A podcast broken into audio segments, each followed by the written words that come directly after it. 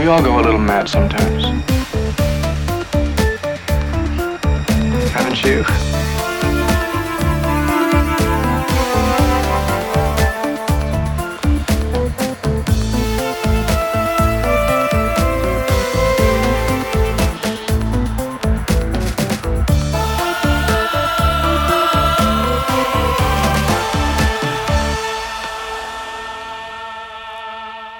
Välkommen till avsnitt nummer 300 av skräckfilmspodcasten Vacancy. Med mig, Erik Nyström. Och med mig, Magnus Johansson. Ja, det här är väl egentligen avsnittet då vi brukar byta julklappar med varandra. Det här är inte bara ett, ett eh, jubileumsavsnitt i an, vad gäller antal, vad gäller siffror och sån skit. Utan, utan det, det här är ju även jul, julaftonsavsnittet. Ja. Men vi sket i det då, för jag tyckte det är roligare att göra något speciellt när det eh, är något jämnt. Julen kommer ju hela jävla tiden. Yes, den kommer jämt också. Ja. Precis. Jo, vi har väl firat två, två eh, grejer i år, va? Det är tio år i februari Ja. och så sen eh, eh, 300, eh, avsnitt 300 nu då. ja, det är helt jävla sjukt. ja, ja. Och då vill man väl kanske göra något lite speciellt. Eh, exakt. Eh, det, det finns vissa karameller man eh, sparar på. Ja, Ibland kanske lite väl länge. Vi ska prata om eh, Psycho eh, från 1960 och så Psycho från eh, 1998. mm. Precis, göra någonting som vi gjorde tidigt med eh, i podden remake och original eh, samtidigt. Och så sen såklart eh, prata om eh, filmen som på något sätt har gett namn till våran podcast. exakt. Mm. Det kunde ha blivit Overlook. Just det, exakt. Men det blev Vacancy. hade jag fått bestämma hade den här podden alltså. För det heter Overlook. Ja. Fan, Vacancy är bättre. ja, är Jag är beredd att ge re- rätt så 30 år senare eller vad det kan börja vara. Sök, söka verktygen på, på podcasttjänster skulle nog inte hålla med. Det är därför det heter Vacancy, skräckfilmspodcasten. Ja. Så man kan hitta oss. Vadå, eh, ska vi bara köra igång eller? ja, vi får väl leta oss in i, i, i Alfred Hitchcocks eh, superklassiker. Ja. Jag har varit medveten om den filmen så otroligt länge. Mm. Kanske inte riktigt lika länge som The Shining då, på tal om Overlook. Men att eh, när jag var 11 eller 12 så åkte jag och mina föräldrar till Florida och var på Universal Studios där. Där har de ju deras Psycho-huset uppbyggt på någon kulle, eller en av Psycho-husen. Ja, Och även någon, någon liten så här, Psycho-show man kan se. just det. Så, så jag vet att vi pratade lite grann om den. Jag, såg, jag vet inte om jag såg filmen innan det kanske. Eller om jag hade sett någon om, bakom kulissen eller om Psycho. I, Där i kring. Att jag var väldigt medveten om ja, men, duschscenen och även twisten i filmen. Väldigt, väldigt tidigt. Förmodligen innan jag såg den i sin helhet. Mm. Men jag förknippar den väldigt mycket med just den här resan till eh, Universal Studios då i Florida. Just det. Ja, jag åkte ju dit eh, långt senare efter jag sett filmen. men, men jag vet att du hade varit där, så det var lite, lite roligt att ta, ta kort. Där förmodligen du har också tagit kort. Ja. Kolla igenom min pappas diabilder någon gång. Finns det säkert någon bild när jag står i någon ful eh, Simpsons t-shirt framför huset. nice. Ja. ja, jag vet inte faktiskt när jag såg den här för första gången. Kanske rätt sent ändå, kan jag tänka mig. Jag tänker att den kom in senare för dig. Alltså när Ja. vi hade börjat se film. Alltså när vi hade sett Rovdjuret. När vi hade sett några Fredagen den Jo. 13 filmer. Jo, absolut. Jo, Att det, någon gång under högstadiet. Andra halvan av högstadiet kanske. precis. Jo. Men visst blev det snabbt en stor favorit för dig? Alltså, ja, precis. Jo, men det här är ju filmen som när, när eh, någon bara hör att jag gillar skräckfilm och de vill säga vilken är den bästa liksom.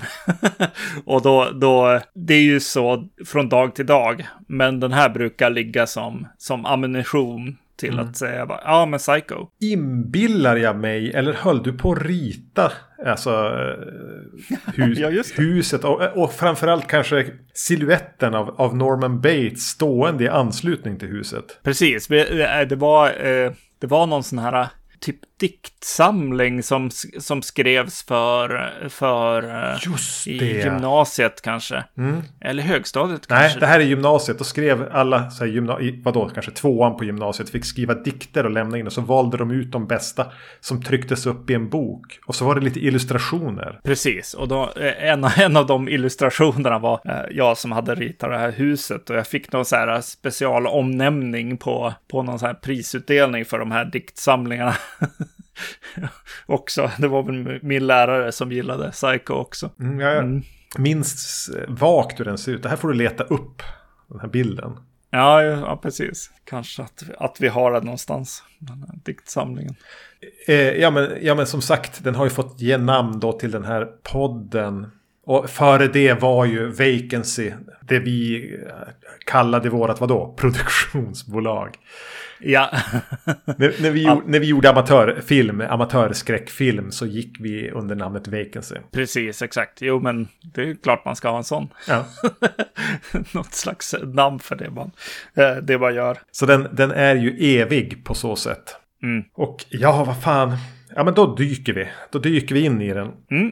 Eh, som sagt, Alfred Hitchcocks film från 1960. Nästan när han var kanske som störst. Han hade gjort eh, North by Northwest och eh, Vertigo eh, strax innan. Och han hade även eh, sin eh, tv-serie, Alfred Hitchcock Presents, bör, började få fäste på tv ordentligt. Och han var verkligen på, på, på the height of his powers. Han var väldigt, väldigt mäktig här. Eh, men han var ju ständigt intresserad av att eh, återuppfinna sig själv. Pröva, experimentera, vilja pusha gränser. Förutom hans rent så bildspråks eh, fingertoppskänsla så är väl just intresset av att trycka det framåt hela tiden, utmana, var på något sätt så mycket i systemet som man kan vara. Men ändå hela tiden reta, provocera och utmana systemet. Så han ville göra något helt annat och hit, kom väl över då den här boken av, säger jag rätt om jag säger Robert Block? Precis, ja. Eh, och, och, och blev enligt legenden helt såld, ville filmatisera den.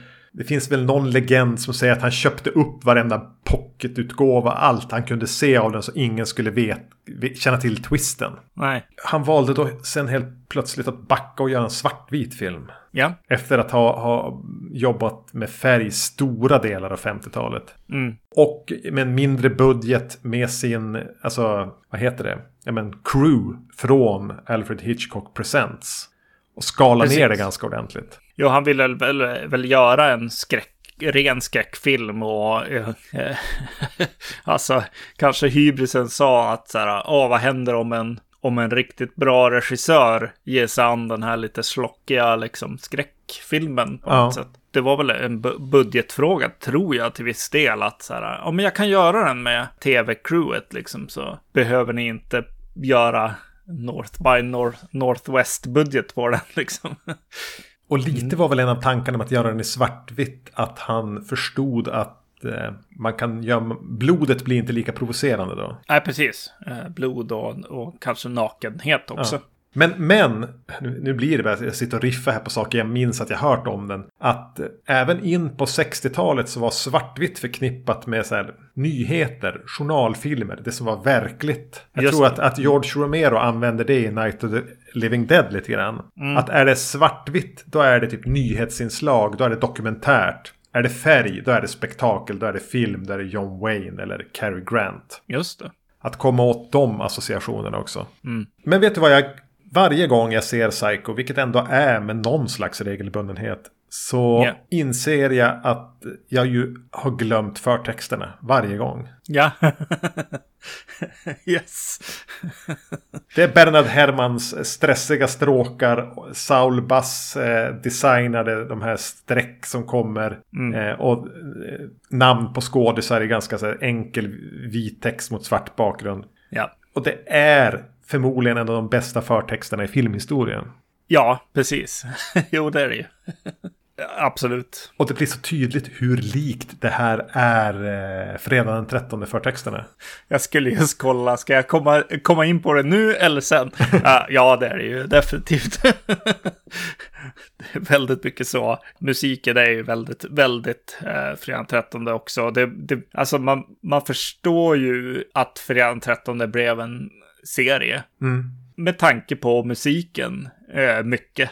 Eh, som lånar väldigt mycket från Psycho. På ett sätt som gör att det blir ikoniskt, helt enkelt. Och förtexterna där också. Är, är grymma där också. Och från förtexterna blir den här, de här montaget över skyskrapor som letar sig in i en lägenhet. Mm. Även här så är det någonting som jag ha- hajar till varje gång jag ser den. Och det är att Ja. den utspelas i Phoenix. Just det. Vem fan gör en film som utspelas åtminstone inledningsvis i Phoenix? Ja, Vem bryr sig om den stan? Varför är det inte Los Angeles? nej precis. Varför är det inte San Francisco?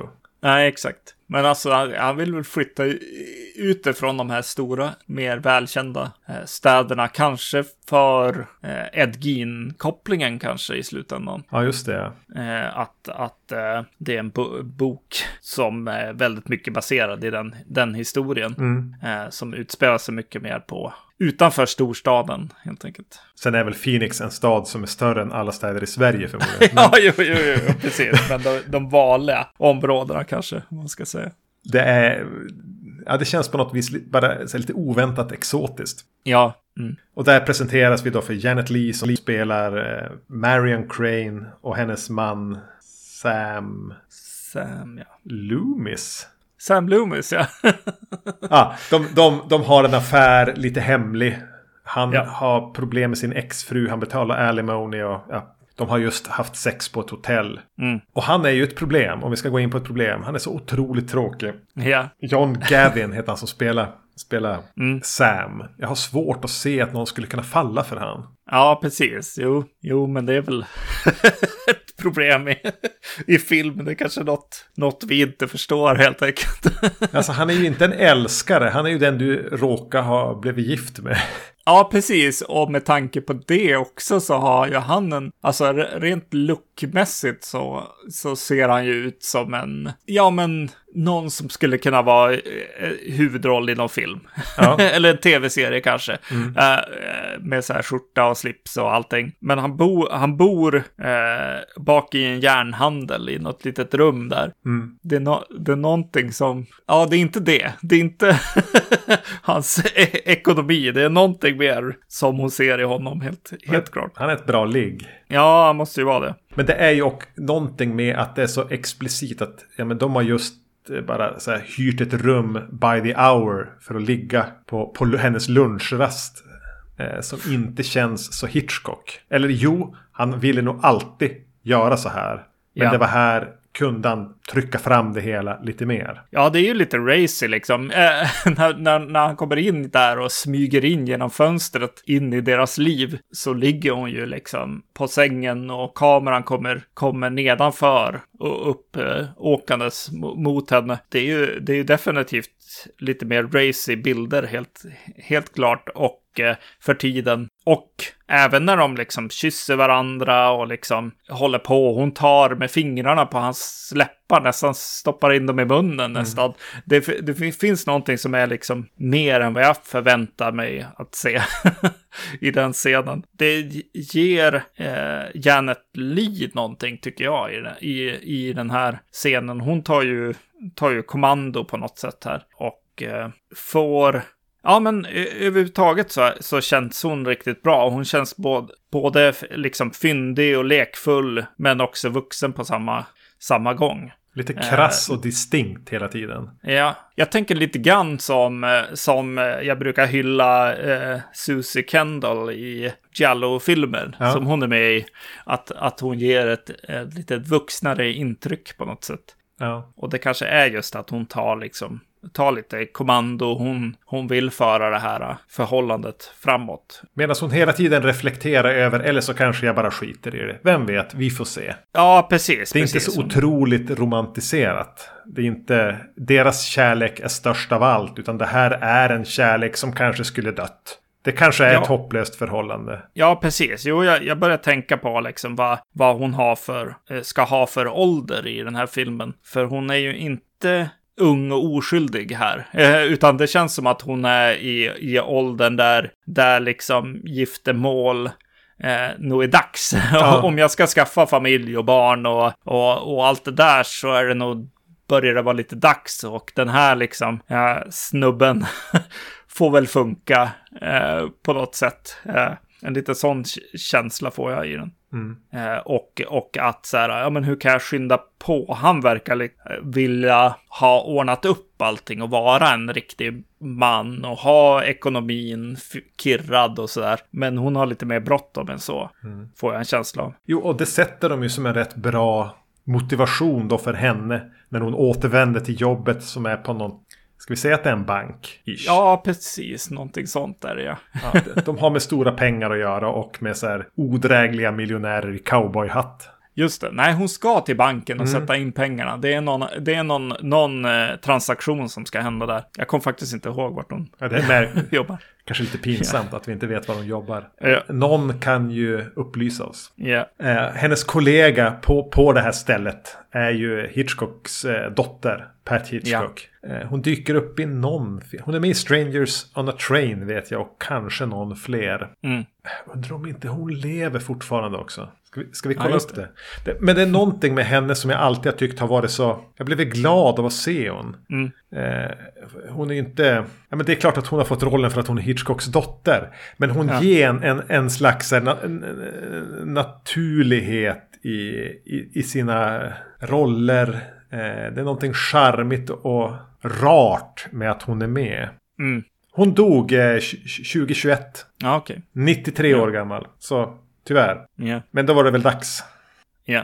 Jo, men precis. Jo, men både den här scenen då, eh, eh, när de eh, är på hotellrummet och så sen scenen som kommer till eh, där, där hon jobbar då och den här karn kommer in med och viftar med pengar och sådär och eh, flörtar med eh, Janet Lee. Båda de här scenerna sätter ju en standard för manuset här och dialogen. Jag tycker att den är, den är smålustig och för historien framåt på ett väldigt bra sätt. Eh, helt enkelt. Man anar alltid en, en till betydelse med nästan allt de säger. Exakt, just det, precis. Jo, det, det är, en, det, det är eh, charmen i det, i det och, och ger karaktär till just karaktärerna. När, det, när det anspeglas på, på saker helt enkelt. Den, är- den är ju väldigt liksom eh, flörtig och sexuell här i början.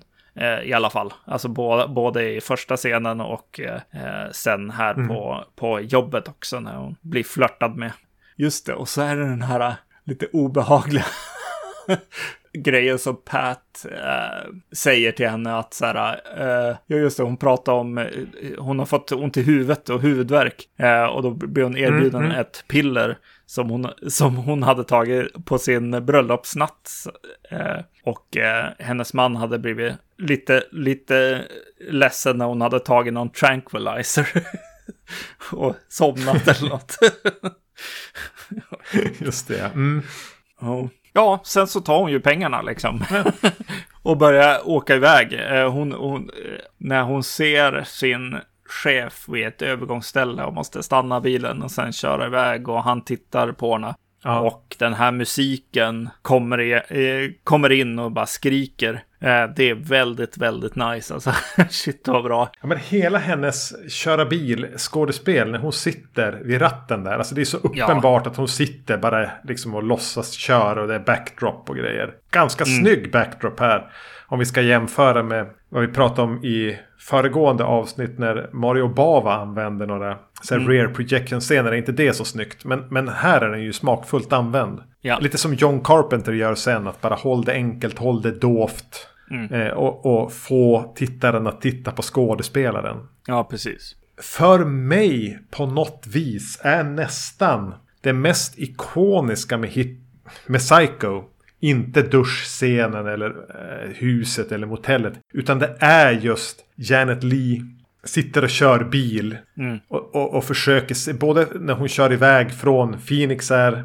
Eh, och det börjar bli mörkt men även när hon fortsätter att köra när hon har bytt bil. Och regnet bara hamrar på rutorna och hon ser ingenting. Hon Ja. möter trafik. Eh, och hennes är lite kämpa mot att låta paniken över att det här är för svårt vä- vä- väderlek att köra i grejen. Mm. Jag har ett sånt tydligt minne själv av att ha kört typ i exakt de här förhållandena i, Ja. i tjänsten. Jag hade varit nere på en tjänsteärende typ nedanför i Kramfors någonstans. Mm. Och körde hem på kvällen. Och det började spöregna. Ja. Eh, vindrutetorkarna på max och, och man hänger verkligen över ratten.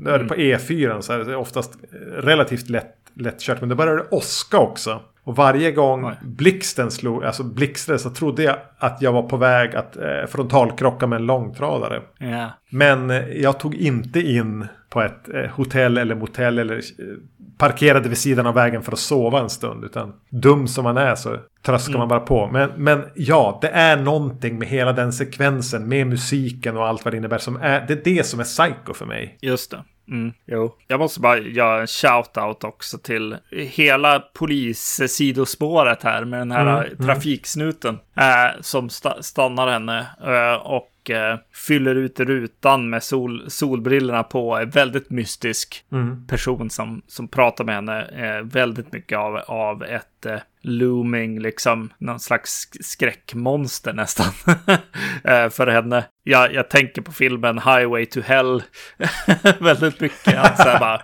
hmm, undrar, undrar om inte bara att det är så här trafiksnutar är läskiga liksom, Mm. eh, utan kanske att den här filmen till och med har inspirerat den lite grann med, med deras djävulspolis eh, Ja. i den filmen. När den polisen kommer in i den här filmen också så om man då tänker att man aldrig har sett filmen för man har ingen aning om vad, de, vad den handlar om så är den ju fortfarande så här potentiellt att leda upp till en så klassisk så här Hitchcock double chase movie. Polisen efter henne. Ja. Den här eh, miljonären kanske efter henne. Och hon ska till sin pojkvän eller bara försöka ställa allting till rätta. Man vet inte var det ska här. Vilken roll kommer den här polisen att ta i filmen? Mm. Ja, nej, precis. Eh, och här är väl, vad heter det, Hitchcocks liksom, eh, det, det som man är känd för kanske, det är ju den här, att kunna skapa de här spännande sekvenserna med att någon försöker hinna med något innan någonting händer på något sätt, liksom dubbelklippningen mellan, mellan saker. Det finns en väldig spänning i den här eh, bilförsäljningsscenen, framförallt när det kommer till eh, polisen som Ja. kommer körandes, parkerar på andra sidan vägen och ställer sig bara utanför bilen. Påminner mig väldigt mycket om när eh, Janet Lees dotter tittar ut ur skolan och ser Michael Myers stå utanför eh, Just fönstret. Det. Mm. det jag försöker säga är att det finns nog mycket influenser som den här filmen har, gett eh, andra filmskapare, helt, helt klart. Oräkneliga. Ja, och så sen när hon väl kommer därifrån och, och börjar höra folks dialog i huvudet, en till sån här körscen. Det, det är...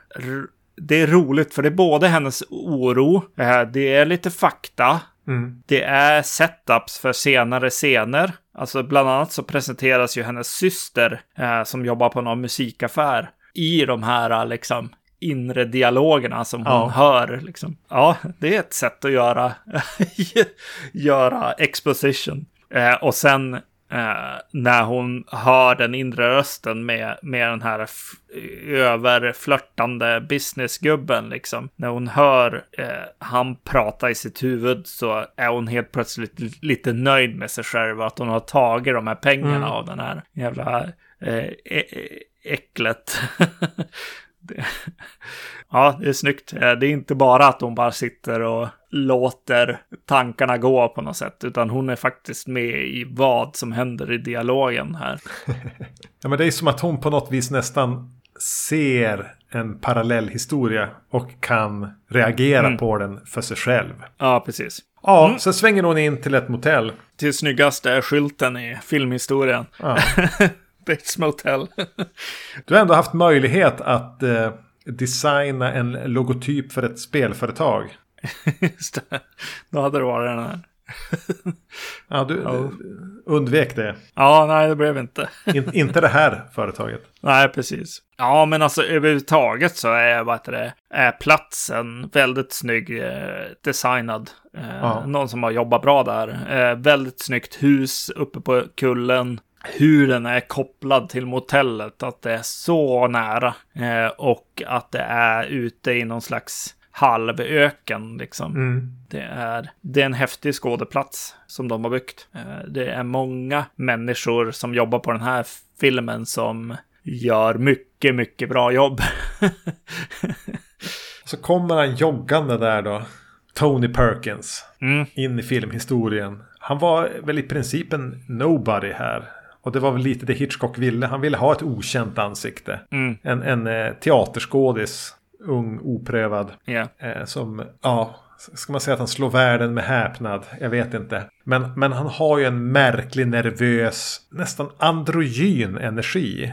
Mm. Tony Perkins själv var ju homosexuell och, och på något vis är det ju som att han använder sin annorlunda sexuella utstrålning till sin fördel här. Förmodligen inte medvetet. Nej, eh, han är ju fantastisk eh, i Ja. den här rollen. Väldigt så här, ja men känns väldigt genuin. Alltså alla, alla hans val känns väldigt genuina. Eh, han är charmig, söt, awkward på, på samma gång och läskig liksom Mm. utstrålning. När han är awkward där med toaletten. Eh, det är någonting som kunde ha gått så väldigt fel med en annan skådis. Eh, när, han, eh, när det är inskrivet i manus att han liksom inte ska kunna säga toalett och så sen säger hon, hon det, får hon Mm. lägga till det liksom. Det är svåra saker på något sätt, tycker jag i alla fall, att få till. Men, det- men det får de ju definitivt, och det får han eh, definitivt. Ja men i princip all dialog de har tillsammans Mm. eh, är ju väldigt skriven. Ja, Och jag känner ju hela tiden av egentligen mekaniken i, i Tony Perkins sätt att hantera det. Den finns där. Framförallt när man har sett han i andra roller. Men här är det som att det limmar på ett sätt. Alltså att, att hans lite utstuderade, kanske överdrivet genomtänkta sätt att spela en karaktär passar så perfekt ihop med den karaktär han spelar här. exakt. För när man Ja, har sett Tony Perkins i andra roller så eh, det blir lite samma sak. Mm. Men där fungerar det inte lika bra. Även om man eh, i, i princip alltid är underhållande och empativäckande att titta på. Så ja, han, han, han kom ju aldrig i närheten av det här. nej, och liksom det är svårt att eh, göra ett val som att lägga till en liten stamning på en del saker liksom. Ja. Det kan bli väldigt, väldigt fel. Det känns genuint för mig. Eh, och jag måste, jag måste bara säga att här, här börjar också jag förstå. Ja, du säger mekaniken. Men alltså det finns ju så coola grejer i den här filmen. Eh, I framförallt i klippning skulle jag säga. Nu när jag Ja. såg den den här gången var det bara. Det är perfekta klipp i den här filmen. Eh, de, de får en sån här awkward tystnad vid något tillfälle där i hotellrummet. Mm. Den är bara exakt rätt längd. Eh, exakt rätt eh, val av klipp liksom. Mitt emellan den eh, jobbiga tystnaden. Det är väldigt, väldigt snyggt. Och att det någonstans även blir en lätt charm Mm. i det. Ja, precis. Jo, men alltså... Ja, charm. Jo, men precis. Nej, men det är ju en film för film. Liksom intresserade, intresserade, alltså filmskolefilm på något sätt. Alltså Ja, ja. den här, den här ska ju studeras, liksom ska ju vara, är ju typ en filmskola. Eh, lite grann som jag sa i början, att det känns som att Hitchcock säger, ja men vad händer om någon som kan det här gör en skräckfilm liksom? Det, det är lite det som som vi får se och eh, det är ju stilstudie precis som många skräckfilmsregissörer är liksom, men, eh, eller gör. Eh, den här är väldigt, väldigt bra i det tycker jag och eh, charmen är ju där såklart att, att den hela tiden flörtar med oss i publiken om vad som komma skall. Eh, vad, vad eh, ja men i, i eh, dialog. Det är väl här någonstans som den här, eh, när han säger att ja men my, eh, my mother, what is the phrase? She isn't quite herself today. Ja. Det är ju en jättehärlig pu- publik, eh, med, eh, re- replik menar jag. Gilla, jag gillar verkligen hur den, hur den spoilar hela filmen. Och det här pratar jag om på podden hela tiden. Och det kommer ju från den här filmen. Att jag, jag, jag älskar när, när eh, filmer har tagit den här, den här inspirationen och bara säger vad det är. Det finns ingen jävla häxa. Eh, liksom, det, det, ja bra, vi fortsätter att referera feed här. ja, ja, precis. Eh, det, det, det är charmigt eh, och det är, det är ju inte, det är ju inte Texas Chainsaw Massacre det här. Det är ju inte liksom på riktigt jätteläskigt och så, utan det finns en thrillerstämning i det, liksom en, en, en distans kanske till, till allt det el, elaka som händer i filmen också. Och sen Alltså, jag, jag, just det, för jag, jag kommer bara vara, vara sån här pladder eh, fanboy helt enkelt i fortsättningen här också. Ja, men, Men- eh, låt det bara komma. Ja, här, här kommer ju min, eh, när, du, när du säger bilkörarscenen. För mig är Psycho-scenen när han kommer med, med en macka till henne och serverar den inne på kontoret. Mm. Ja, jag bara, eh, jag älskar verkligen den middagsscenen. Mm. Ja, allt, allt kommer, kommer till mig. Alla jobbar på max kapacitet där. Eh, klippning, ljussättning, eh, kameraarbetet och eh, Janet Lee och An- Anthony Perkins är ju bara, ja, hur, hur bra som helst helt enkelt. Och jag, eh, jag, jag börjar minnas så här eh, dramalektioner i gymnasiet där eh, vi, pra- vi eh, jobbade med så här, ja men nu ska du ha låg status och du ska ha hög status. Och så, Ja. bytt, och så switchade man lite och, och kände liksom på, på de här känslorna. Och det, det gör ju de här i den här scenen hela tiden. Liksom gå mellan stort och litet jag på något sätt. Att, att hon, hon är ganska kaxig, hon äh, har inte... Hon är inte rädd att vara i ett rum med en man.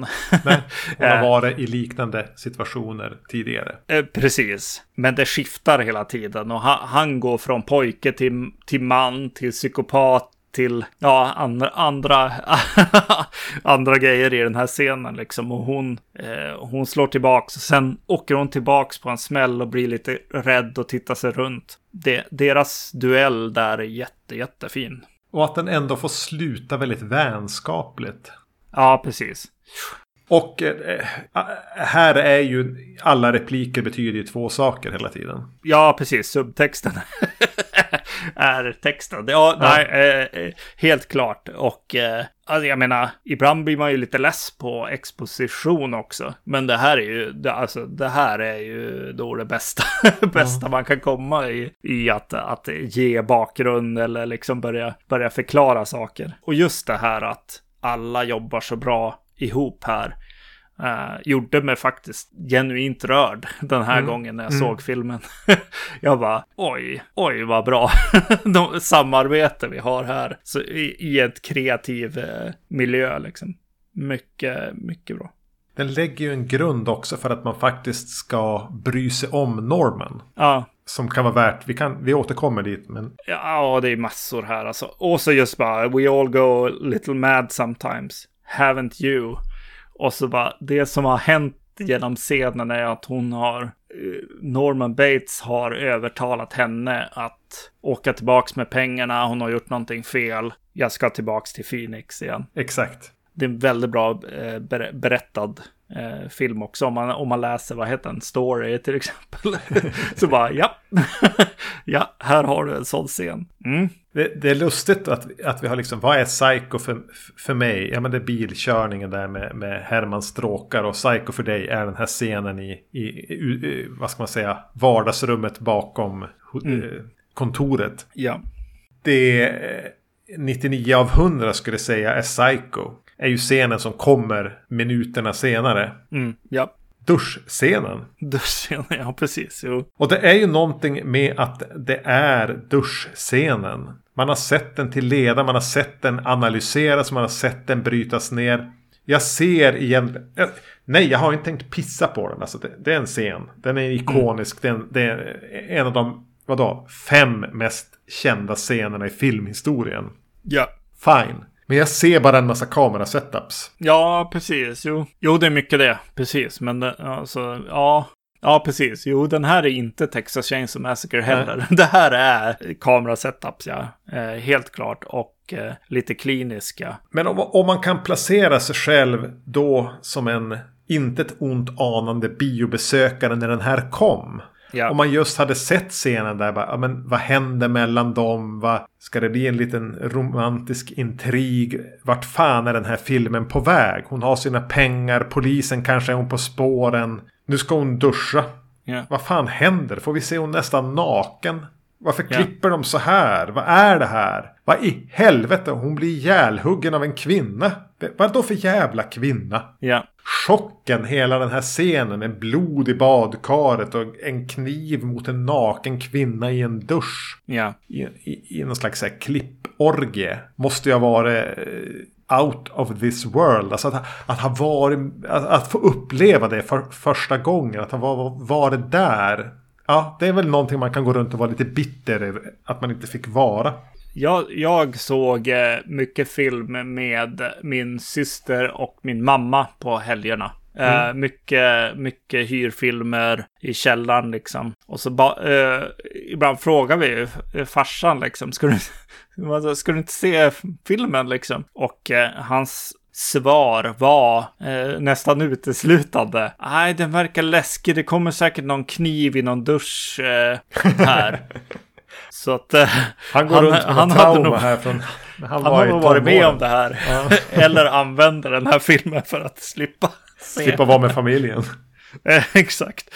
Men ja, precis. Det, det jag tänkte på här, just, just med, ja men som du säger, lite så här chocken här. Det är väl den här handen som far till förgrunden och drar ner eh, själva eh, duschdraperiet. Ja. Den har jag alltid tänkt på som handen och duschdraperiet. Men jag ser ju nu att så här, på, på den här Blu-rayen, det är ju, det är ju Hitchcock som har gjort en titulating liksom sekvens där. Det är ju liksom hela skärmen är fylld med, med två, två bröst här Ja. i bakgrunden som, som är ur fokus som vi aldrig riktigt får se.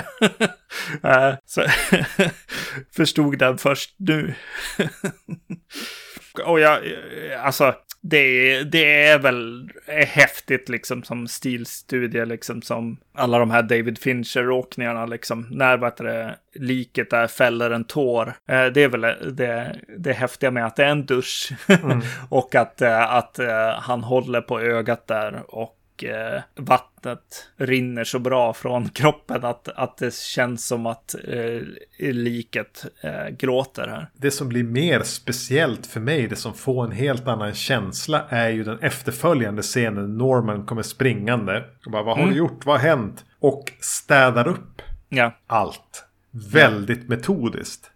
Den scenen är så jävla spännande för mig. ja precis. För de har planterat så mycket men hon tar av sig några örhängen och ringar eller vad det är. Och hon har lagt någonting där och hon har hängt av kappan där och skor och jävlar vad hon har drällt runt i det här motellrummet.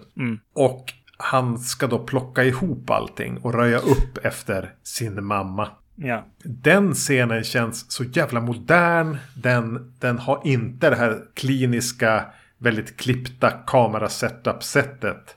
Och känns mycket råare och, och mer avskalad. Som från någon gammal, gammal tv-serie eller någonting. Men faktum är att han just bara nu stökar undan liket av det vi har sett som huvudpersonen. Ja, Huvudkaraktären blir ju ihjälhuggen och död här. ja, Och vi får ta del av hela uppstädningen.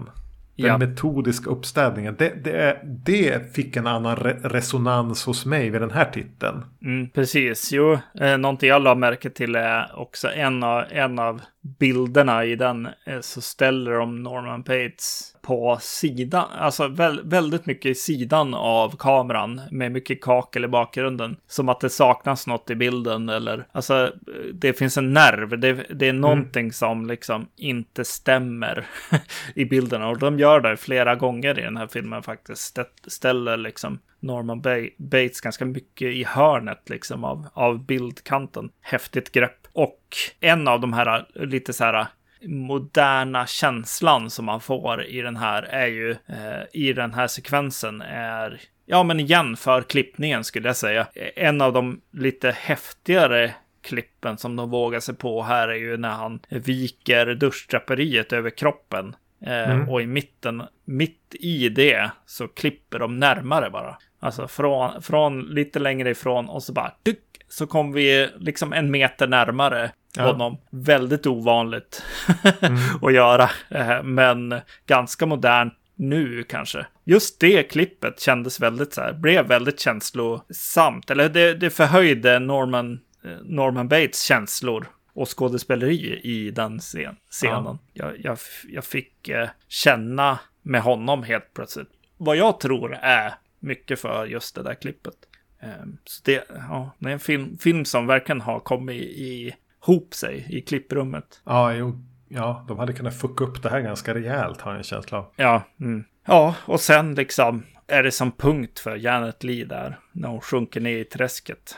Mm. Då dör liksom huvudrollen och jag måste säga att filmen gör det en liten, liten stund också. Jag tycker att kanske till och med att sjunka ner i träsket kunde ha väntats med. Att de kunde ha klippt det. Jag skulle i alla fall provat att äh, klippa den till introduktionen till äh, systern. Efter uppstädningen introduceras sys, äh, syrran och privatdetektiven där i järnhandeln. För de, den äh, sekvensen är lite för mycket starta om igen. Ja. Känsla på. Det kunde ha varit intressant om bilen just sjönk in. Han vände sig om, gick mot motellet och så dök Martin Balsam eh, upp där i den sekvensen liksom. Men ja, jag vet inte. Ja, men det är någonting med att vi ska fortsätta här. Mm. Och då ska vi, det vi har med oss är den här, vad, vad hette nu skådisen? Vänta. John Gavin som, som Sam. Ja. Som är väldigt svår att tycka om. Ja. Precis. För mig i alla fall. Ja. Och så ska vi in med en helt ny kvinna. En till blondin. En Hitchcock-blondin. Ja. Då systern här spelad av Vera Miles. Mm. Och en eh, relik från en, en, en, noir från 46. Spelad ja. av Martin Balsam. Och då, ska inte, då menar jag inte det nedsättande. Men att vi ska presenteras för det som en helt ny uppsättning. Mm. Där ja. den enda hakkroken vi har är en person som är så jävla tråkig.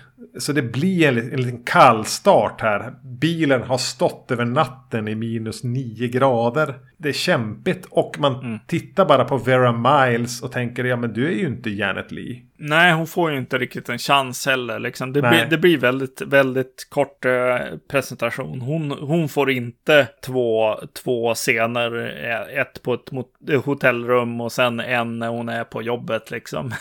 och sen typ sno pengarna och allt det. Utan hon, hon, hon måste komma in hårt i den här järnhandeln och det gör hon inte. Nej, nej det blir ju svårt. Eh. Och att hon bara känns ilsken och bitter mm. hela tiden. Tills hon blir ett offer. Ja. Eh, jag, jag, tycker att Vera Miles gör väl det hon kan här. Mm. Det är en sjukt otacksam roll. Ja. Och det är någonting med en film som ställer förväntningarna på en film så på ända genom att helt bryta, byta, göra det där den är. Jaha, men vad händer sen då? Ja, det är ju väldigt, väldigt mycket som typ Rope, att så här, ja, jag ska göra den i en tagning. Det här, det här är ju hans stora liksom prov som han vill prova ja. eh, i, i filmen, att, att döda av huvudrollsinnehaverskan. Och det funkar väl sådär helt enkelt. Eh, någon, någon som hjälper upp, vilket gör kanske att jag ja, klipp hela järnhandeln kanske. Det är ju att Martin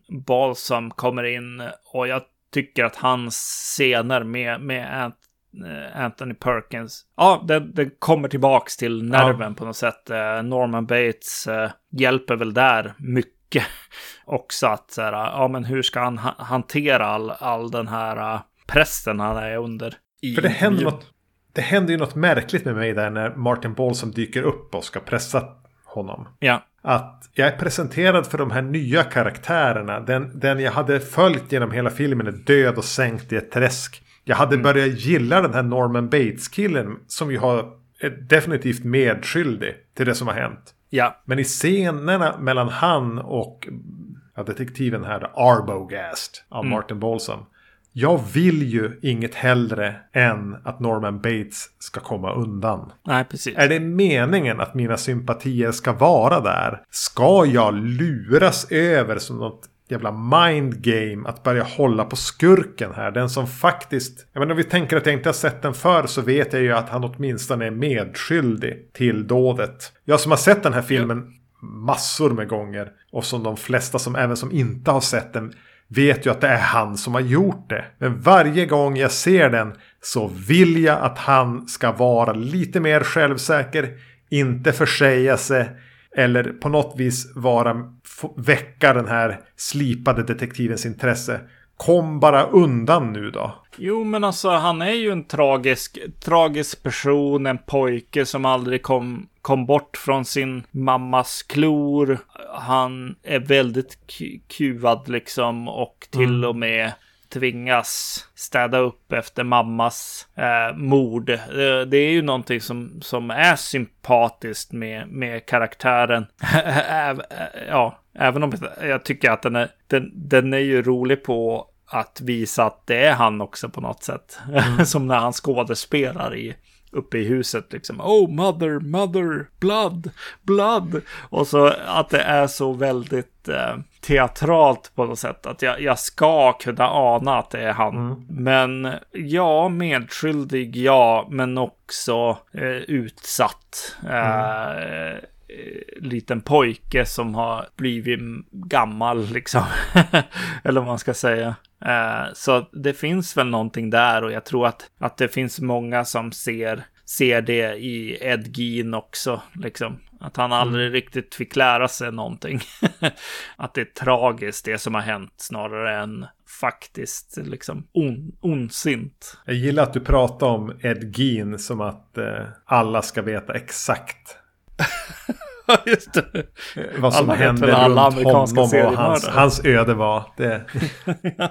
jag vet inte. Men jag vet att den här är delvis inspirerad av honom. Ja, precis. Ni får se Deranged. Den är exakt som det gick till.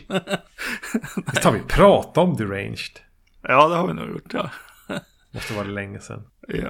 Jo, men filmen blir ju hackig här och, och någonting annat. Mm. Men det jag ska säga, eh, om vi ska öka tempot här då. Ja. Martin Balsam blir ju också ett offer. Ja. När han, när han går upp för trappen här. Och, ja, men den scenen när han väljer att leta sig in i huset för han tror att, att Norman inte är där. Och, och ja, den spänningssekvensen är så här, gamla spökhuset filmmysig. Mm.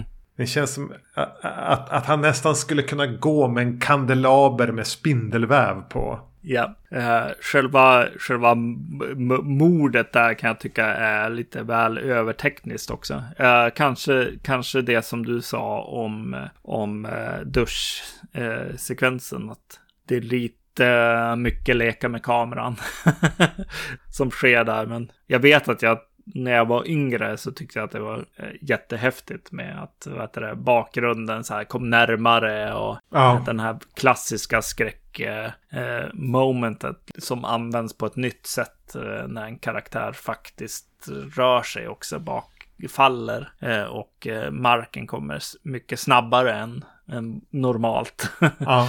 Men ja, Det, jo. Man gillar ju Martin Balsam här. Ja, precis. Jo. jo, det är tur att han är där faktiskt. Eh, mm. Ja, an, andra halvan, eller vad det nu då är, skulle ju ha fått det väldigt kämpigt utan honom. Ja, de klipper till en bild av eh, Vera, ja vad heter Miles. hon? Miles, ja. I järnhandeln med en massa kratter bak i huvudet och det är så här väldigt så här noir eh, ljussättning och kratterna ser ut som, som klor bakom huvudet på henne. och då började jag säga bara, ja men okej. Hon kanske passar in i den här filmen ändå. Men jag, jag, tror att det är mer, mer just den, den bilden som de har valt där som ger henne, ja men ger henne kanske lite mer. Av någon konstig anledning. Ja, men får jag kasta in en kort scen här som jag alltid har gillat. Och som jag i, i svaga ögonblick har sagt är den snyggaste åkningen i filmhistorien. Mm. Det är det inte. Jag vet. Nej. Men när Norman bestämmer sig för att bära ner sin mamma i fruktkällaren. Ja. Och kameran liksom letar sig upp genom det här trapphuset eller vad man ska säga. Hittar taket och vänder sig ner och tittar ner på Norman som bär eh, en kvinna ut ur sitt rum och ner för trappen. Ja men det är en jävligt göttig åkning ändå. Alltså den ja. är lite fumlig. Det märks att de inte har haft de tekniska förutsättningarna att göra den så episk som, som den kanske var i Hitchcocks huvud. Yeah. Men på något vis så kommer den ändå åt idén bakom åkningen. Yeah. Och den är, den är otroligt härlig. Ja, det är den. Absolut. Ja, precis. Här, här kommer väl... Eh, ja, precis alla, alla referenser till Psycho. alltså jag menar, eh, Dario Argento har väl byggt en karriär lite grann på, på just den här åkningen. det är mycket, mm. mycket både op opera och liksom Tenebre och äh, ja, det är mycket, mycket äh, som, som ekar äh, från Psycho här och den här åkningen. Helt klart. Den är ju jättehärlig och, och lite grann som du sa med, med duschscenen att så här, ja, det här har nog ingen sett tidigare. Nej. Känns det som. Mm. Ja, mycket häftigt. Alltså, ja, Eh, det, det, ja, precis. Det jag kan rekommendera nu nästa gång ni liksom ser se, se den här filmen och ser den lite, lite grann från så här som en, en filmskola lite grann. Ja. Vilket jag, jag kände att den var nu. Det är klippningen. Tänk på klippningen genom hela den här filmen liksom. Bara när liksom eh, den här syrran och Sam eh, ska gå till ett rum, till tian. och eh, Eh, Norman Bates tittar efter dem. Liksom. Det är en närbild på Norman Bates. Sen får vi se Sam och syrran. Eh, och så halvbild på, på Norman. Och sen tillbaka till dem. Eh, att, eh, ja, att bygga den här sekvensen är väldigt snyggt. väldigt snyggt. Och ha både en hel bild och en halv, alltså en närbild och en halv bild på, på Norma Bates där och använda i den här eh, sekvensen är, är mycket, mycket häftigt. Jag såg på några extra material lite snabbt och, och Saul Bass har ju tydligen äh, ritat mycket av de här sekvenserna eh, som, eh, vad heter det, bildmanusen. Ja. Och eh, ja, kanske så att den här redan var färdig liksom. Jag vet inte, men det känns som att i klippningen blev den färdig på något sätt, den här filmen. Saul Bass har väl försökt kräva lite större cred för Psycho än vad han kanske ska ha. Eller så är det han som ska ha ett större cred än vad han har fått och Hitchcock inte förtjänar. Mm. Men för att bara avsluta eh, snacket om en, en fantastisk jävla film. Det vet ni som lyssnar. Psycho är skitbra. Men det jag minns av att när jag såg den för första gången så fick, blev jag så rädd att jag nästan fick panik. Mm. Och det är det absolut sista som händer i filmen. Ja. Klippet till när Norman sitter med den här filten där inne och filosoferar lite grann om den här flugan och eh, att han ska verka så lugn. Yeah. För då har mamma-personligheten tagit över helt. Yeah. Och så tittar han upp mot kameran med det här men, stumfilms elaka leendet. Och så är det en kort, lite mer en subtil fade till mammas eh, förruttnade kraniebild. Mm. Innan den fejdar över till hur de drar upp en bil ur träsket. Ja. Och jag var knappt säker på att jag såg den där dödskallen grina åt mig genom Norman Bates ansikte. Ja. Innan det helt plötsligt gled över till att det var typ en kofångare på någon gammal bil. Mm. Att jag fick snudd på panik när jag var, jag var där kan det vara då, 11-12. Ja. Och det är väldigt snyggt. Ja, det är fantastiskt. Och att ha nerven där att låta det vara så jäkla kort som det är. Ja. Uh, och subtilt som det är. Mm, det är häftigt. Ja, eh, Ja, Ska vi, ska vi köra en liten parentes då? parentes med Psycho från 1998 i regi av Gus Van Sant av någon anledning. Av någon anledning. Jag tror att han själv sa att om in, det är bättre att jag gör det än att någon annan gör det. Okej, ja. ja, Ja, eh, ingen hade bett om det. nej. Ingen var väl riktigt intresserad av det. Men han valde att göra en så shot by shot remake. Väldigt ovanligt grepp eh, att göra med, med en film överhuvudtaget. Ja. eh, Och som vi säkert kommer att komma in på så är det ju inte det. nej, precis. Nej, nej, det är det inte. det, det, det är helt klart det. det. Det vill säga då här, vi kommer inte att jobba oss lika metodiskt igenom allt som händer i den här. För det är ju exakt samma story. Ja, Vi har bytt ut eh, Janet Lee mot eh, Anne H. Som ju Ja. dog tidigare i år. Mm. Fick vi det sagt. ja. Norman Bates. Ja, vem spelar Norman Bates? Han är ju utbytt mot Vince Vaughn. ja. Ja. Sam Torrbollen Loomis utbytt mot eh, Viggo Mortensen. Ja. Som dyker upp här igen. Alltså sleeper på oväntad skådis som dyker upp på, på podden. Viggo Ja. Mortensen. Ja. Ja, ska, vi, ska vi bara nämna några till som dyker upp då?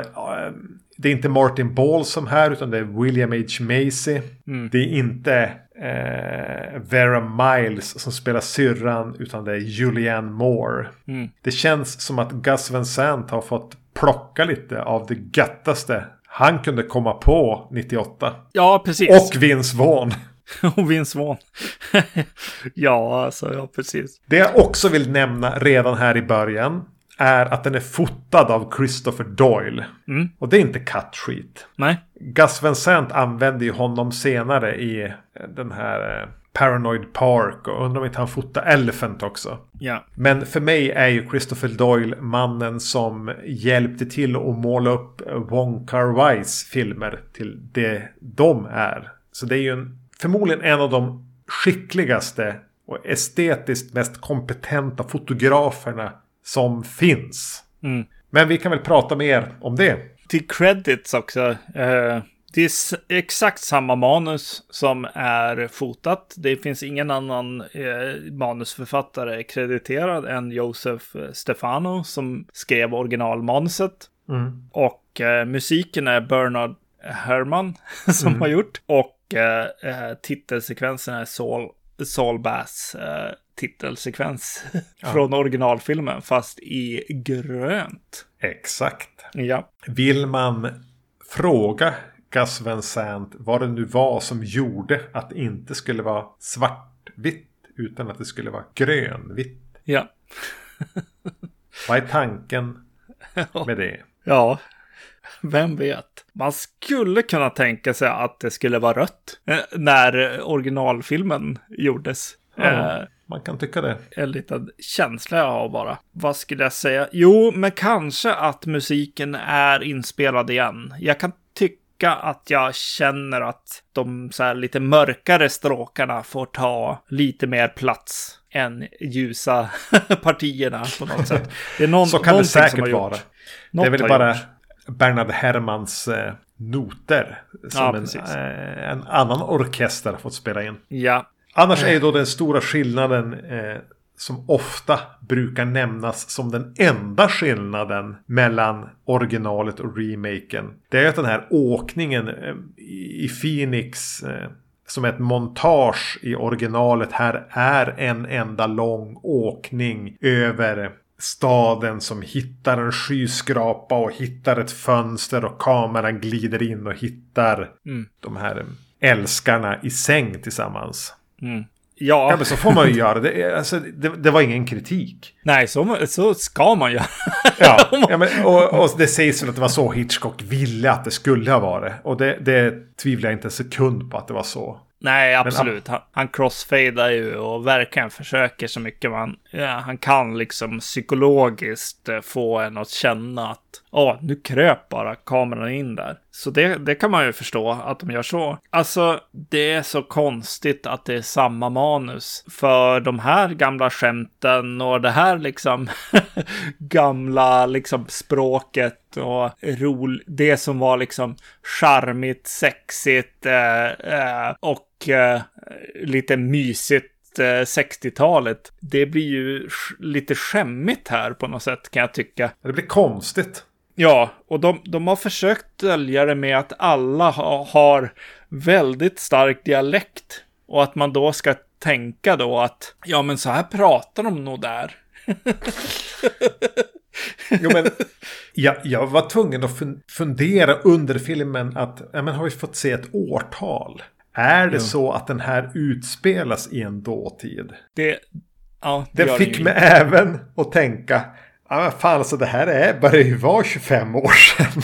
Jo. Pratade vi så här då? nej, nej. Den här är ju från 98 och det står faktiskt i de här två förtexterna, liksom Phoenix det här datumet. Det gör det, ja. 1998. Det gör det inte i originalet, vilket, vilket år det är. Eh, men här vill de säga vart, när det var. Ja, eh, den, den, den enda som kommer undan tycker jag, alltså i alla fall i början av filmen, det är ju han, eh, den här kunden som kommer med pengarna och kör sina vanliga repliker. För han är så over the top och liksom castad som en riktig cowboy liksom. Ja. Han är old school och då får man hålla på så här och prata så här. så så han, han tyckte jag var charmig. Det var det enda, alltså, alltså charmig idé att, ja gud vad gammelmodig den här snubben är. Mm. Alltså, ja, och, och ja, he, hela liksom intrigen på något sätt där på hotellrummet är också väldigt så här, ja men det är ju gamla tankar på något sätt. och äh, Anne Heche har de gjort liksom så pass modern i stilen liksom. Jag får en känsla av att hon ska väl inte gå i såna här tankar ens. Det är någonting som är konstigt där. Ja, men jag vill säga det redan nu då, så har vi fått det ur världen. Mm. Det är en kamp för alla inblandade att få den här att inte kännas som en så Twilight Zone-grej. Mm. Eh, där liksom 1960 möter 1998. Men av alla inblandade, ja, i de större rollerna ska vi säga, så tycker jag ändå att Anne H är den som lyckas göra någonting med det. Hon lyckas ta karaktären och göra någonting lite annorlunda med det. Kanske lite uppdaterat. Men det känns fortfarande som en karaktär. Ja. Hon klarar det. Mm. På något jävla sätt jag tror att en nyckelscen för henne för att få mig på hennes sida tidigt, det är scenen när hon är och plockar i sitt hem och det ligger pengar på eh, eh, sängen och hon, hon överväger så här, borde jag, borde jag inte? Jo, men jag har ju faktiskt bestämt mig. Alltså den, den scenen är en, nyc en nyckelscen för att jag ska köpa henne. Eh, och hon säger ju inget i den scenen. Eh, men den, den är, ja, den är nog snäppet bättre än i originalet. Det kanske jag kan säga faktiskt.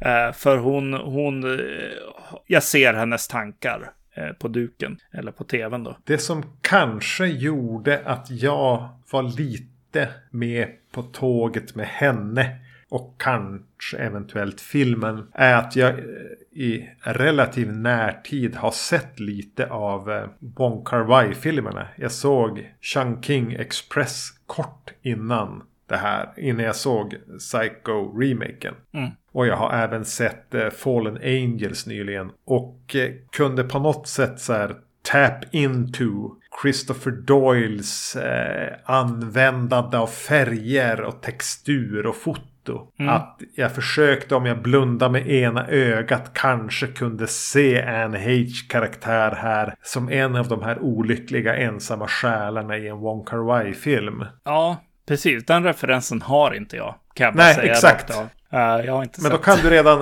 eh, nu Om, om, vi, om vi pausar här så kan du beställa Criterions Wong Kar Wai-box. Okej. Och se den över en helg. Ja. Så är du lite uppdaterad. nej, Ja. nej, nej, nej, men alltså du skulle uppskatta filmerna. Ehm, eh, men de har en distinkt estetik som jag liksom lyckades delvis hamra in Psycho-remaken i. Mm. Men det är extremt nödgat. Och det är för att vara snäll med den.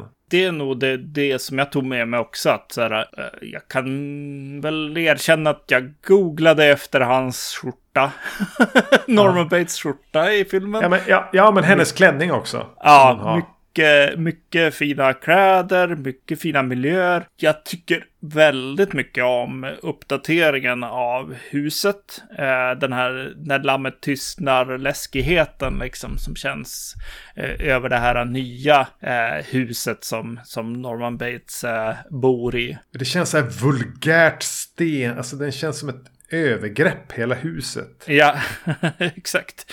Det är Eh, någonting med det, hur det tornar upp sig där och det är någon utbyggnad som känns onödig också. Ja, Medvetet ful. ja. Ja. Nej, det, det, det kan jag ju definitivt ge den. Din så här, favoritscen från originalet, eller vad man ska säga, det, eh, den ikoniska scenen. Där tycker jag Anne Heche i bilen, Mm. där är hon nästan sämst för mig. Eh, Jag, jag bara, vad, vad, är, vad tänker hon, vart ska hon, vad, ja vad händer? Jo, jo. Det är synd eh, för Janet Lee är så väldigt bra i de eh, sekvenserna. Och jag vet inte vad de har gjort. Alltså, de kanske har spelat dialogerna i, på, på det sätt medan Anne Heche inte fick det. Jag vet inte, men det, det känns... Eh, Ja, jag vet inte, tekniskt kanske. Men under bilfärden eh, så finns det lite bilbilder som dyker upp. Eh, Varje gång Anne Heche inte är med så är det en eh, häftig liksom second unit eller liksom grynighet eller Ja, just ser det. nästan Mm. ut som lånade bilder liksom. De, de ser uråldriga ut fast med moderna bilar. Jag vet inte varför de har valt att göra så eller om det är liksom något fel på second unit-kameran eller om det är lånade bilder, alltså eh, nå- något de bara köpt in. De var jättecharmiga för mig, de Ja. bilderna. Jag bara, åh, så här skulle filmen se ut. Mm. Snuten är ju bäst alltså. James uh, Remar heter han så. Uh, han hade ju eh, överdriven någonting. Eh, Men också precis som originalfilmen på något sätt. Ja, men överdriven på samma sätt fast i en annan era. Ja. jag tycker det är jätteroligt på något sätt. För jag, vi har redan gett upp på filmen och då kommer han in som en härlig del. Men mm, och efter att han har varit med, ja men jag håller med. Mm. Det skulle kunna ha varit han eh, Arlie Ermy eller vad han heter. Han så här, drill sergeant Ja, i, ja, i, i Full Metal Jacket. Eh, Ja. Det är lite den, den känslan. Mm. Men när hon sen kör in på, eh, bi, hos bilhandlaren här. Där börjar jag ifrågasätta det här det jag sa. Bara, men det här är ju ingen jävla shot by shot remake. Nej. Här är det ju kortat. Här ser det inte alls ut som i, i originalet fast i färg och 98. Nej. Hon går, alltså framförallt i vissa scener spegelvända. Jag upplever den nerkortad hela scenen. Mm. Ja men jag noterade när jag slog igång den. Ja men den här är fan 10 minuter kortare. Just det. Mm. Eh, och den är ju trimmad här och där. Och framförallt den här bilhandlarscenen. Tycker jag blir berövad all nerv som originalet har. Ja. Av att eh, någon har tänkt det här är ingen viktig scen. Vi måste vidare mot motellet. Ja. Så den faller helt platt för mig. Och jag blir irriterad och jag börjar sitta och leta. leta. Bara, Okej, nu, vill jag, nu vill jag sätta upp filmerna bredvid varandra. Och, och se var de har valt att korta, var, vilka klipp de har tagit bort. Hur de har valt att göra det enklare för sig. Mm. Ja, precis. Är det att de är ute i det vilda där? Kan inte kontrollera kanske. Ja, alltså, vi har en skräckfilmspodcast så jag, jag bara gör en liten shout-out till James Lee Gross eller vad han heter som är med i Phantasm 2. som Vad är är, det bilhandlaren eller? är bilhandlaren. Här. Ja, just det. Ja, han var ingen vidare. Nej. Ja, skitsamma, vi hoppar vidare. Ska, Ja. vi, bara, ska, vi, ska vi bara kasta oss in i, i, i motellet då? Jo, men precis. Så, eh, vi har redan pratat om det, men production designern, eh, om någon, har ju vågat sätta upp liksom nya skyltar och, Ja. och göra lite eh, 98 års sunk eh, på, på motellet eh, och ändra då huset. Det, är- det, det är stort. Och det är inte helt fel. nej, nej, nej. Det kan vara bland det bättre. Ja, De möts. Norman Bates och Marion Crane. ja, Vi vet vad som händer. La-di-da, la-di-di. Och de hamnar i det här utrymmet bakom kontoret. Är du OK med att vi spolar dit? ja. För helvete vad de kämpar med den scenen. Ja, alltså Vince Vaughn är ju jätteosäker här. han provar han- han allting, provar allt. men han har också gjort väldigt mycket val som ska funka, men de funkar inte. Alltså han har, han har lagt på ett fniss eh, istället för stamningen kanske. Eh, och fnisset är opassande och inte alls charmigt och väldigt tekniskt. Jag förstår lite grann att han är castad. Jag, jag tror att han skulle ha han skulle ha satsat fullt ut eh, nu när vi ändå vet vad det är för film vi gör en remake på. Eh, han skulle ha kört på sin hotfulla charm.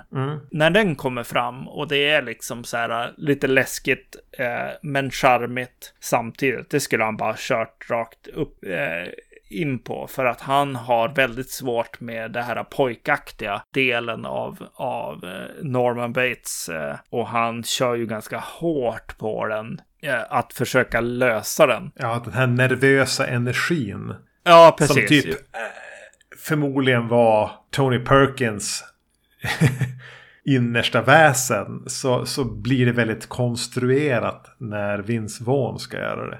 Och, och Vince Vaughn har gått hela vägen och valt en gångstil. Han har liksom eh, övat in någonting där. Jag köper inget av det. Det, det är typ först när, när han sätter sig ner och inte får röra på sig så mycket som han så här, ja men nu, huh, vad tur, Ja. jag behöver inte se det där längre liksom.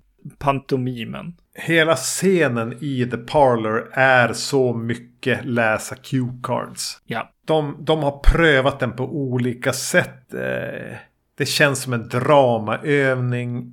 Nej, fan alltså. Vad, vad, vad, om det är det som är Psycho för dig i originalet så måste det här ha känts fruktansvärt att titta på. Ja, ja, det är riktigt illa. illa. Vince är inte bra här. Alltså, jag, jag vill ju, alltså jag tycker han är bra ibland. Vince Vaughn är jättebra i vissa filmer. Ja, han kan göra både och. Det är inte det Ja. att jag säger så här, åh, här kommer det in en komisk liksom skådis. eh, Det är inte i Will komedi. Ferrell som, som, som är här. Och... Nej, utan han, han kan skådespela, men han, är- han är jättenervös och, och inte alls i balans här.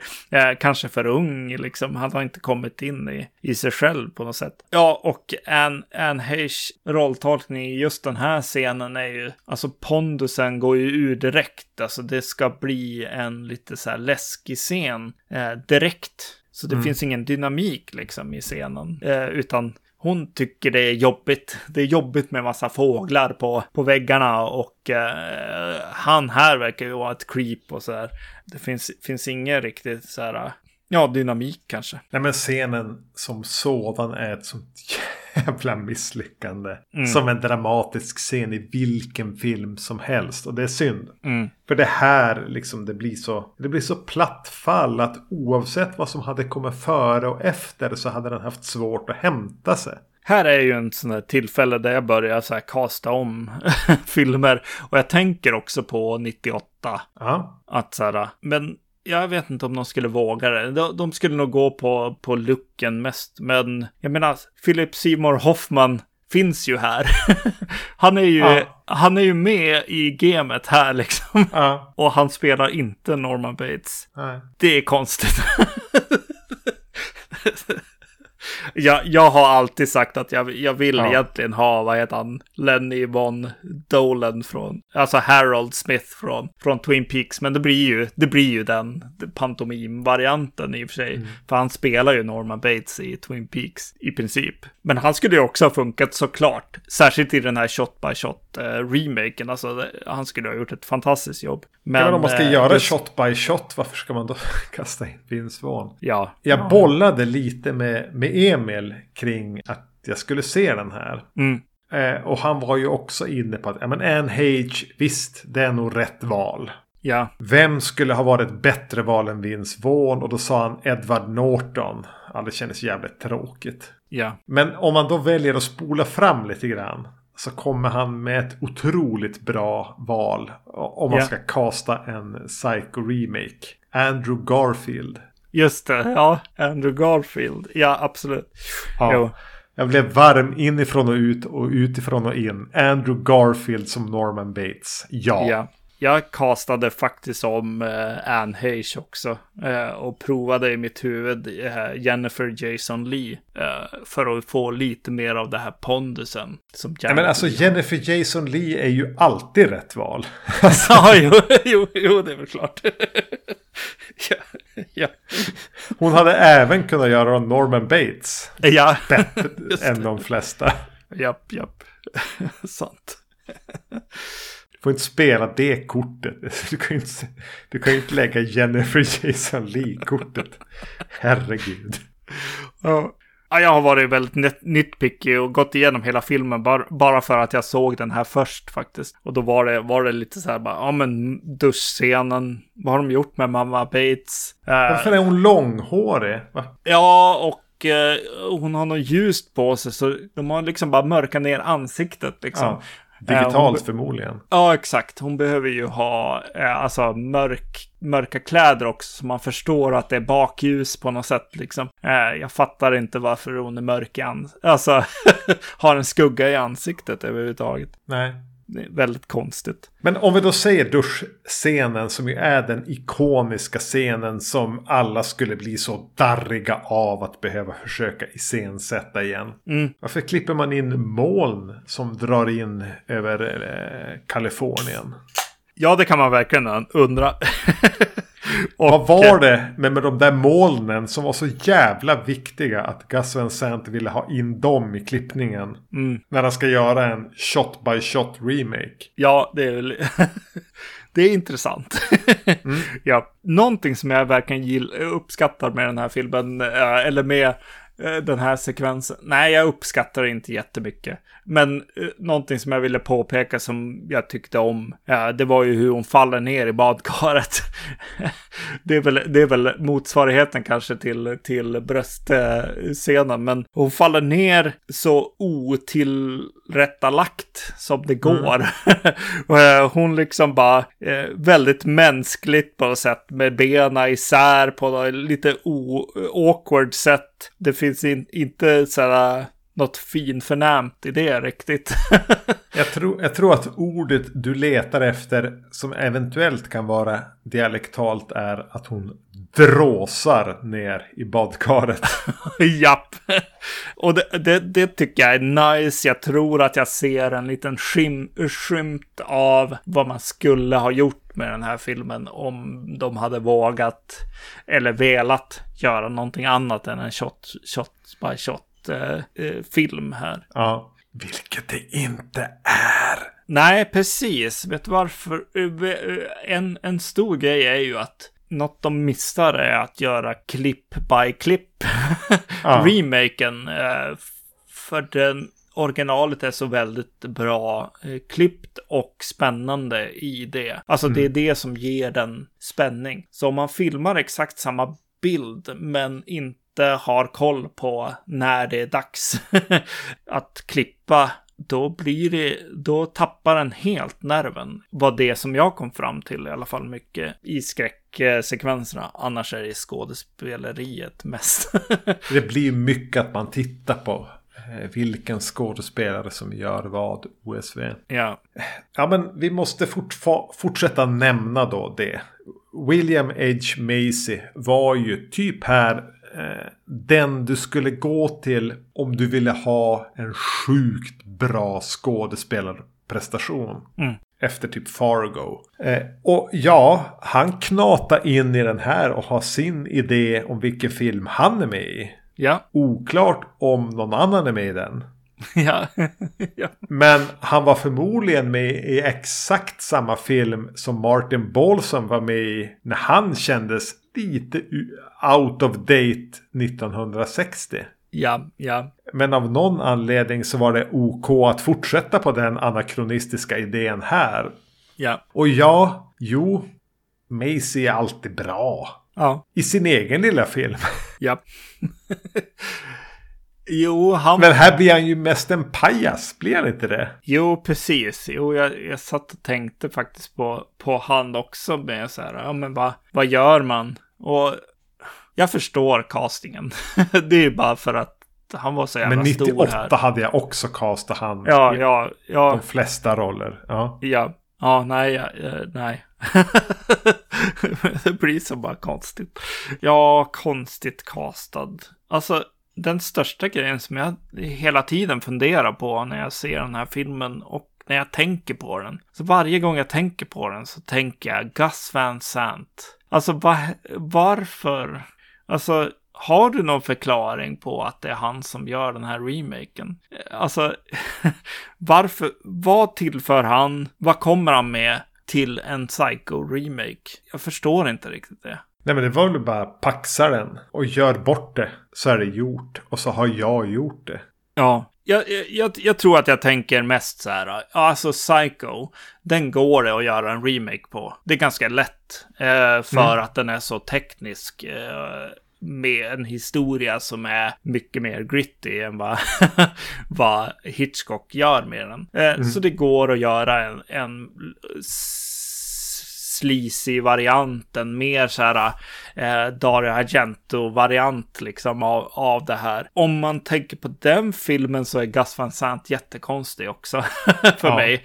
Och eh, för den här filmen så, så kan man ju lika gärna, alltså man kan ju ta någon, någon annan som är, alltså som är så här bara, ja men shoot the script liksom. Alltså man kan göra, man kan ta Clint, alltså någon som kanske fokuserar på skådespelarna eller någonting. Alltså Clint Eastwood, kanske Ron Howard, alltså någon bara. Men Gus Van Sant gör ju annan film.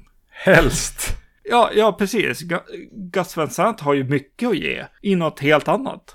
Ja, ja, ett tag tänkte jag att bara, men kan jag... Men det här är ju färgat av eh, att jag har sett Wong Kar Wai på sistone.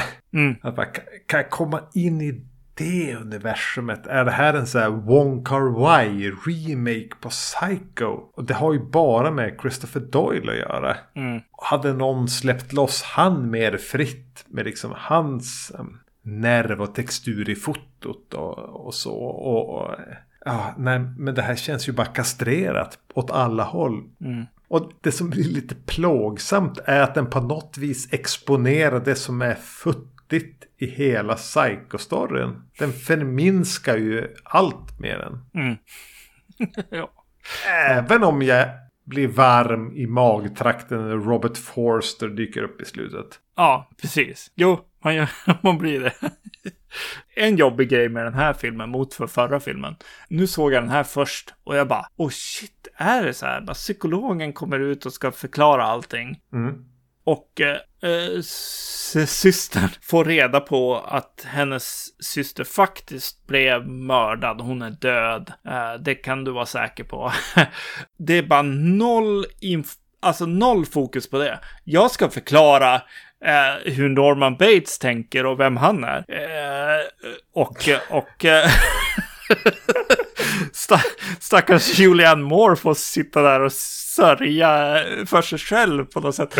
Det, det är jättekonstigt. Det, det, det, Ja, det, är med på prec- det. Mm. det är precis den här uh, konstiga känslan som Star Wars-fans har fått när Leia kommer och kramar Ray istället för Chewbacca när Han Solo just har dött. Eh, det är bara, vad händer? Bara, är hon död? Ja, hon är död. Åh, vet du vad? Norman Bates. Han som mördade henne, jag antar att du är väldigt intresserad av att höra varför. ja, och jag, jag tänkte när jag såg den, för jag såg den här filmen först den här gången. Och jag tänkte så här, va, det där kanske är lite så här uh, Hitchcock. Han kanske är lite intresse mer intresserad av att visa poängen liksom. Ja. Men Hitchcock hanterar ju det mycket, mycket bättre. Även om man ska förklara allting. Det finns ett, eh, jag är ledsen. Det finns ett, ett moment i alla fall i den filmen. Men ja, här är det bara, ja, whatever dude. Whatever. Det kan vara så att Gus Van Sant mest bara är någon som har råkat få lite indie cred. ja, ja, precis. Och att han gillade Psycho. Mm. Men... Eh, ja. Vet du vad som slog mig i slutet? När jag hade kastat om allting, när jag tänkte på Gus Van Sant och så bara till slut så bara okej, Gus Van Sant får göra den här jävla filmen då. ja, Varför inte Matt Damon, Norman Bates? det hade ju varit mycket bättre. Han vill ju vara bra. jo men tyvärr är det väl så att det mesta hade varit bättre ja, än. Vince Vaughn här. Jo, Och då tycker jag inte illa om Vince Vaughn generellt. Ska Nej. jag väl säga. nej exakt. Nej, det här är det här. uh, Han är castad, han har varit på alla auditions som han bara kan vara på. Det, det är det här uh, när unga eh, män kommer med i massa krigsfilmer och sånt. Och så sen visar det sig vara eh, en, en komisk skådis eller någon som ska göra något helt annat än krigsfilm. Har du sett några av eh, S. Craig Saulers filmer utöver Bone Tomahawk? Alltså den här Brawl in Cell Block. Nej, nej, nej, nej. Bla, bla, nej. bla, eller Drag the Cross Concrete. nej. För där är ju Vince Vaughn med. Mm. Och de är jättebra. Alltså de är... Eh, ja, fan alltså. Skitbra filmer. Båda de två är mycket bättre än Bone Tomahawk. Och det är ingen av dem skräckfilmer. Mm. För de har en slags så här krypande, våldsam, otäck, klinisk känsla. Som han, eh, Jeremy Saunier, kan komma åt. Han som har gjort då Blue Ruin. Mm. Eh, eller vad heter den? Som vi pratade om, Green Room. Green Room, ja. Samma fysik i våldet. Ja, Så se de två. ja. Inte bara du, utan även ni som lyssnar. Och den eh, kan på något vis även återupprätta den här förtroendet för Vince Vaughn som någonting annat än Honey Wedding Crashers. Eller han som bombade totalt som Norman Bates. Mm. Eh, lova saker i podden ska vi ju inte hålla på med. Eh, men jag blev ju väldigt sugen på commentary track på Psycho. det, det är ju bara Klart vi så. kommer hamna där. Om vi då ska lova vidare så måste vi under 2023 följa upp Psycho med Psycho 2, 3 och 4. Just det. Mm. Ja, det tycker jag är en bra, bra avsnitt. Ja. Eh, Mycket löften, ni vet att vi bryter dem. ja. Eh, ja, vilket jävla julavsnitt det här blev då. Japp. Jo, men jag kan inte sluta prata om Psycho. Och jag kan, jag kan inte låta bli att vara så där. Som jag har varit i det här avsnittet. jag bara, jag älskar den här filmen. Det, det är bara så. Jag tycker den är fantastisk. Psycho är skitbra. Eh, det räcker så. Mm. Wong Kar Wai är även skitbra. Så Just se det. Hans filmer. Mm. Eh, istället för, för, för, för eh, Psycho-remaken. Men Anne Hage gör inte bort sig. Nej, Ja, det här... Eh, god jul och allt vad man nu då ska säga. ja. Vi hörs nästa gång. Vi gör ju det. Yes. Det vet ni. Tack och hej. Hej.